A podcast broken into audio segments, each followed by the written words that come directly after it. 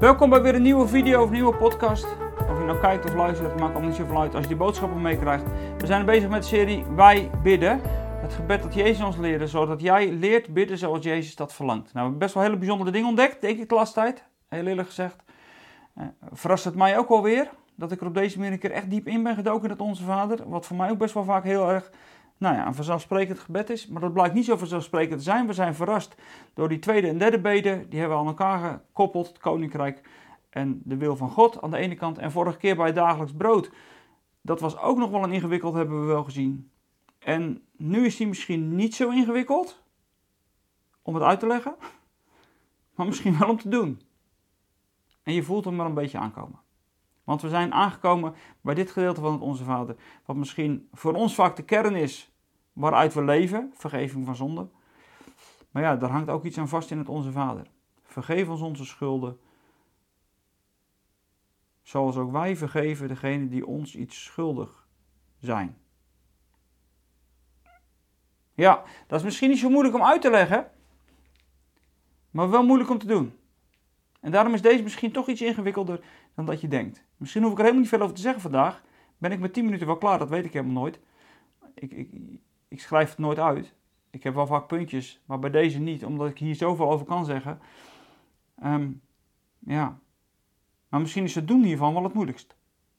Vooral het tweede gedeelte. Nou goed, gaan we even naar kijken. Mijn naam is Theo de Koning van eindeloosgelukkig.nl en bij Eindeloos Gelukkig, ik zeg het altijd maar weer, we hopen dat, we willen gelovigen zo graag toerusten tot discipelen van Jezus. Dat ze actief de bediening van Jezus mogen voortzetten, dat mogen uitdragen, het koninkrijk laten komen, nou al die dingen.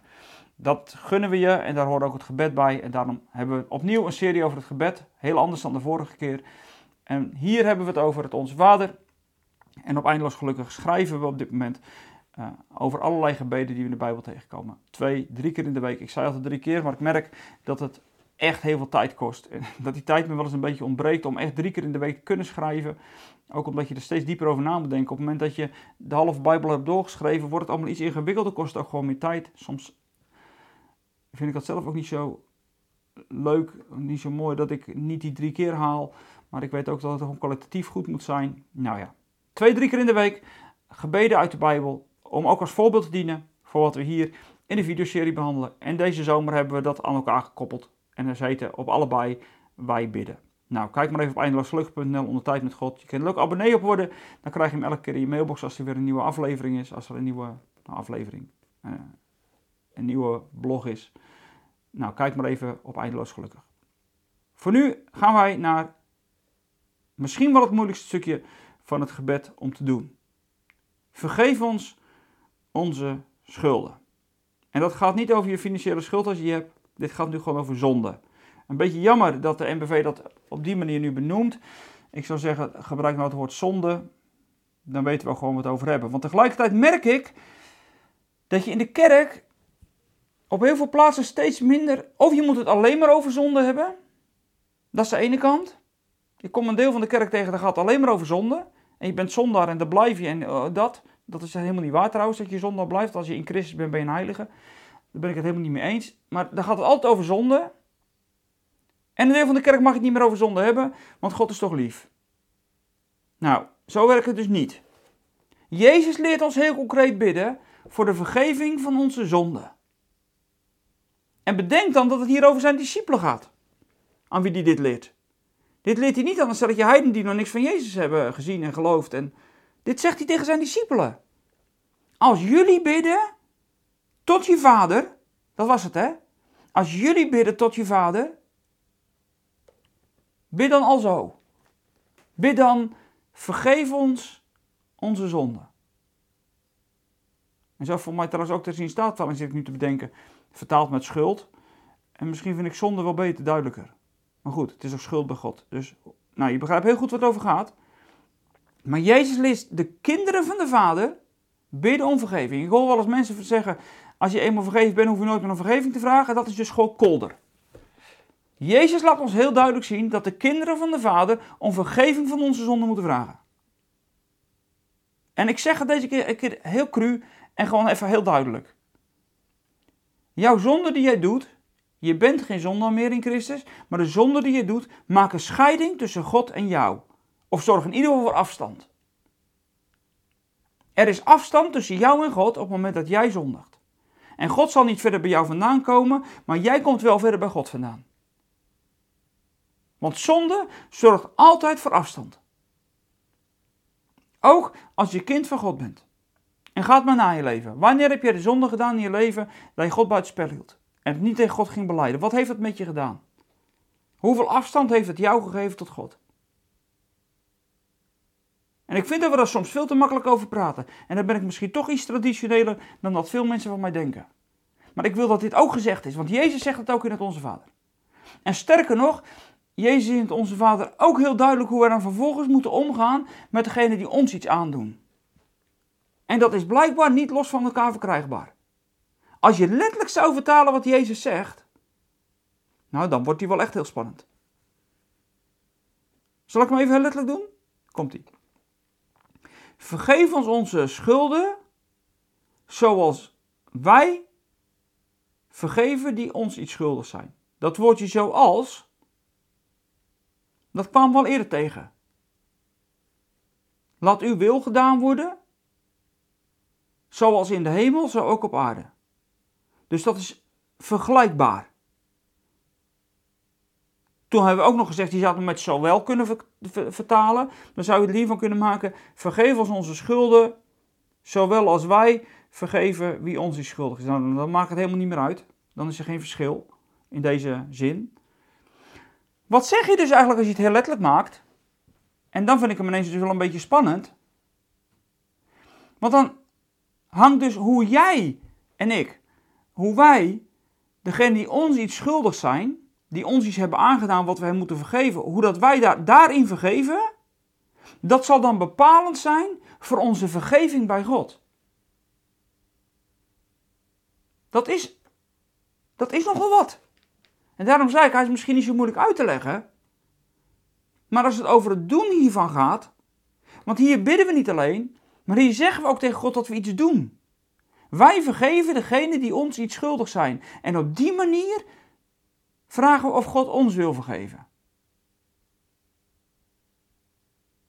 Daar word je wel stil van. En om het even duidelijker te maken, kijk, Jezus heeft in Matthäus 6, we hebben natuurlijk iedere keer over Matthäus 6, ik heb het Bijbel gedeeld, ik heb die iedere keer weer gelezen. Dat heeft verschillende redenen, maar ja, iedere keer hetzelfde lezen, je kan het zelf ook even lezen. Ik pak er nu even wel twee versen bij. In de eerste plaats zegt Jezus, hoofdstuk 6, Matthäus 6, vers 12, zegt hij, vergeef ons onze schulden, zoals wij ook vergeven wie ons iets schuldig is. Dan komt er nog een gebed tussen en dan komt er nog een afsluiting van het gebed, die stel voor de volgende keren. En dan staat er vervolgens, en dan zou je eigenlijk vers 12 en vers 14 moet je aan elkaar plakken. Vergeef ons onze schulden zoals wij ook vergeven wie ons iets schuldig is. Want als jullie anderen hun misstappen vergeven, zal jullie hemelse vader ook jullie vergeven. Maar als je anderen niet vergeeft, zal je vader jullie misstappen evenmin vergeven.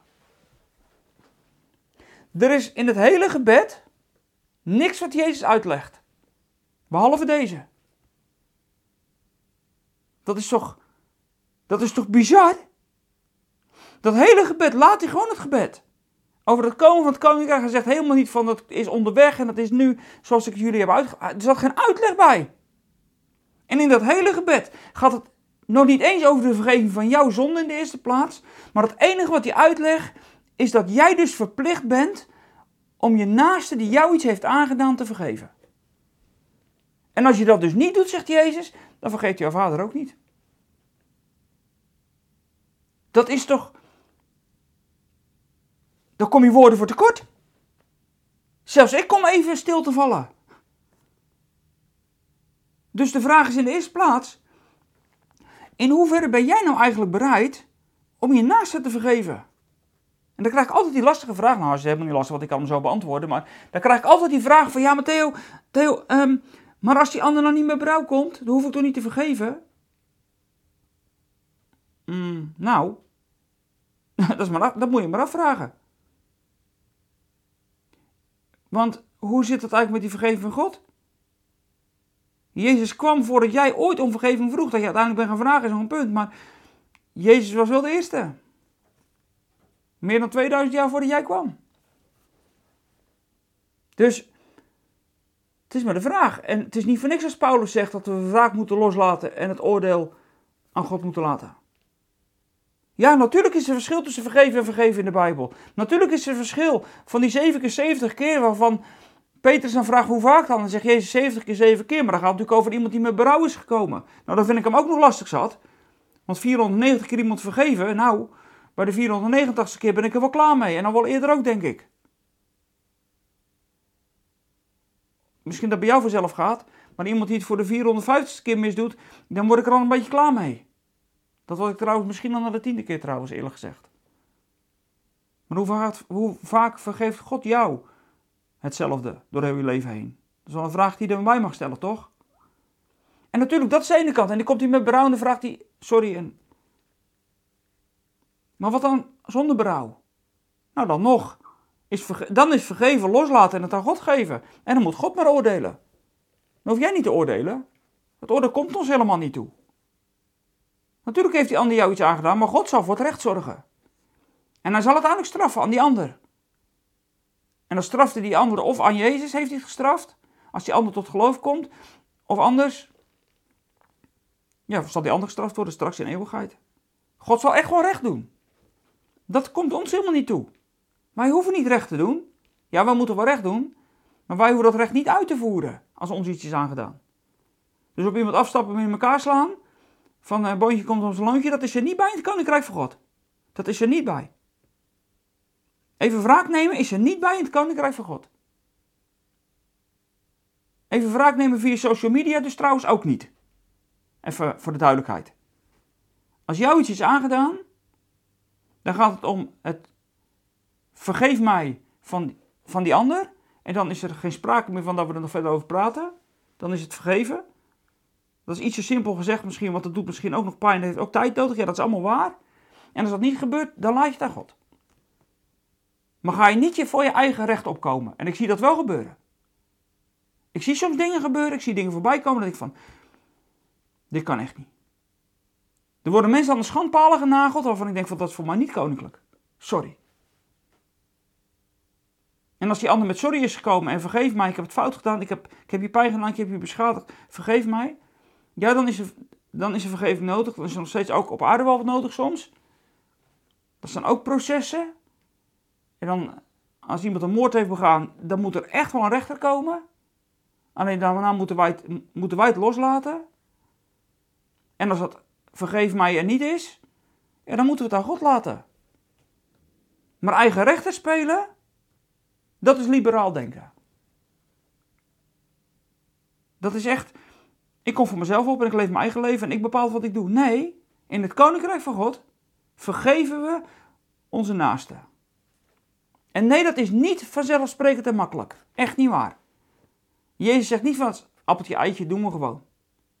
Dat is het echt niet. En het kost, kost soms tijd, het gaat op processen heen. Maar Jezus maakt hier wel duidelijk dat als wij, en hier heeft hij geen enkele voorwaarde of die anderen naar mijn komen of niet. Want als jullie de anderen hun misstappen vergeven, dan zal jullie hemelse vader jullie misstappen vergeven. En andersom doet hij niet. Bij een koninklijk leven hoort een leven van vergeven. En dat strijdt soms tegen elk gevoel van ons. Ik heb het verhaal wel eens verteld, denk ik. Dat ik ooit ergens spreekte over het thema vergeving. En dat iemand, kopje groter dan ik, helemaal onder de tato's. En die zei tegen mij, op mij neerkijkend met zijn kop groter. Zei tegen mij, zo zo. Dus jij durft te zeggen dat ik de moordenaar van mijn zus moet vergeven. Toen moest ik wel even ademhalen. In de eerste plaats hadden ze een kopje groter en hij was niet vrolijk. En het zal het maar zo zijn. En toch is dit wel wat Jezus ons leert. En dat mag Jezus ons ook leren, omdat vergeving aan het kruis gebeurt in de meest bizarre omstandigheden, waarin het onrecht op het allerhoogste is en niemand sorry zegt. Toch? Als Jezus straks sterft aan het kruis, dan zitten ze zijn kleren te verloten, bespugen ze hem, doen ze van alles.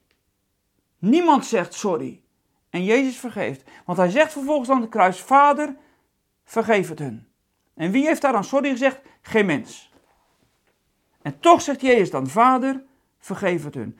En die cultuur van het koninkrijk zou in het koninkrijk wat aan het komen is en in de kerk hier op aarde zichtbaar moeten zijn. En ik ben net zo schuldig als jullie allemaal, want ik vind het verschrikkelijk lastig. En het voelt bijna onrechtvaardig om te zeggen wat ik nu allemaal zeg. En toch is dit de cultuur van het koninkrijk. Want dat is een koninkrijk waar vergeving is. En dat is in heel deze wereld niet te vinden. Wij zijn zo werelds geworden dat wij dit dus onmogelijk vinden. Wij zijn zo gewend geraakt aan de wereldse cultuur waarin wij leven, dat dit bijna haak staat of helemaal haak staat op ons leven. Maar vergeving van jouw zonde heeft met hetzelfde te maken als wat jij vergeeft aan die ander. Het sorry, het vergeef mij is niet het eerste wat bij Jezus belangrijk is dat jouw zonden vergeven worden. Maar het eerste wat belangrijk is dat Jezus bereid is om te vergeven. Omdat Jezus bereid was om te vergeven, krijg jij de vergeving voor zonde als jij zegt vergeef mij. Onze bereidheid om de ander te vergeven gaat in het koninkrijk van God altijd voorop op het vergeef mij of sorry wat er eventueel komt en of dat we het oordeel kunnen loslaten en aan God kunnen geven. Dat is de volgorde. Dat is de volgorde die Jezus ons voorleest aan het kruis. En dat is niet makkelijk. En het is bijna goddelijk. Of misschien wel is het helemaal goddelijk. Maar jouw bereidheid om te vergeven gaat altijd vooraf aan het sorry van de ander. Of het vergeef mij van de ander. En natuurlijk, als wij hier niet volmaakt vergeven, vergeeft God echt wel je zonde. Natuurlijk wel.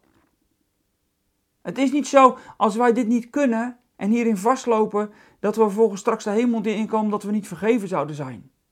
Natuurlijk vergeeft God ons. Maar tegelijkertijd is het waar dat als wij hier heel erg gebrekkig in blijven of niet willen, dat er ook ergens afstand blijft tussen God en tussen ons. Want dan blijft er ook iets vroeten en wringen. En, en laten we dit gesprek eens eerlijk met elkaar gewoon voeren. Of dat wij zonder oordeel willen zijn in deze wereld, omdat we het oordeel aan God hebben gegeven. Wij zijn zo gewend om te oordelen. Wij zijn zo gewend om de ander af te branden, kapot te maken, aan schandpalen te nagelen. Zouden we daarmee stoppen als kerk? Dan wordt vergeven ons onze schulden zoals wij vergeven een realiteit. En God vergeeft jouw schuld. En dat is ook weer een voorbeeld. Is een wisselwerking, alweer. Het is geen passief gebed van laat het maar lekker gebeuren. Nee, want hier wordt het heel concreet gemaakt. En Jezus leert ons hier iets van de cultuur van het koninkrijk, wat het allermoeilijkste is wat er is. En daarom, dit is niet moeilijk uit te leggen wat hier staat. Helemaal niet. Het is alleen haaks op wat wij voelen. Haaks op ons aardse menselijke denken. Het oordeel ligt in Gods handen. En daar mogen wij in loslaten. En dat is een begin van vrede. Vrede met jezelf, vrede in je hart en vrede uiteindelijk met de ander. En ja, er moet echt hier op aarde recht gesproken worden. Die moord aan het kruis kwam niet van het kruis afgesprongen. Die ging uiteindelijk dood, maar wel heden met Jezus in het paradijs. En hij had eerst ook gespot, hè? Maar Jezus was al bereid om te vergeven. Hoe bereid zijn wij om de ander te vergeven? Nou ja, moet ik er nog over zeggen? Ik heb in ieder geval langer dan 10 minuten deze video gemaakt. Dat weet ik ondertussen wel. Dus we stoppen ermee voor nu. Dit mag je gewoon laten landen. En ik denk dat dit allerlei vragen kan oproepen. Dat weet ik ook wel. En ja, het is ook niet zo simpel als dat het nu klinkt. En dat hoeft ook niet. Maar het is wel, het, het is wel de cultuur van het koninkrijk. En als we dat willen bidden, laat uw koninkrijk komen, hoort dit er wel bij. Laat ook hierin dan uw koninkrijk maar komen. In mij en door mij heen. Dankjewel voor het kijken. Goed dat je weer mee hebt gedaan. En ik zou zeggen, um, geef een blauw duimpje op YouTube als je hebt gekeken. Abonneer nog even als je dat niet hebt gedaan. En als je ons eh, financieel wil steunen, dan vinden we altijd heel fijn als je dat doet. En uh, ik heb het al aangekondigd volgens mij aan het begin van deze video. Um, op bij Tijd met God op eindeloosgelukkig.nl schrijven we over de gebeden die heiligen, gelovigen in de Bijbel hebben gedaan. Nou, abonneer even op, uh, op die blogserie, op de meditatieserie Tijd met God.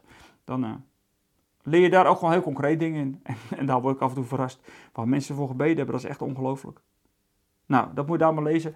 Er komt iedere keer weer wat voorbij. Dankjewel voor nu. En ik zou zeggen, tot volgende week.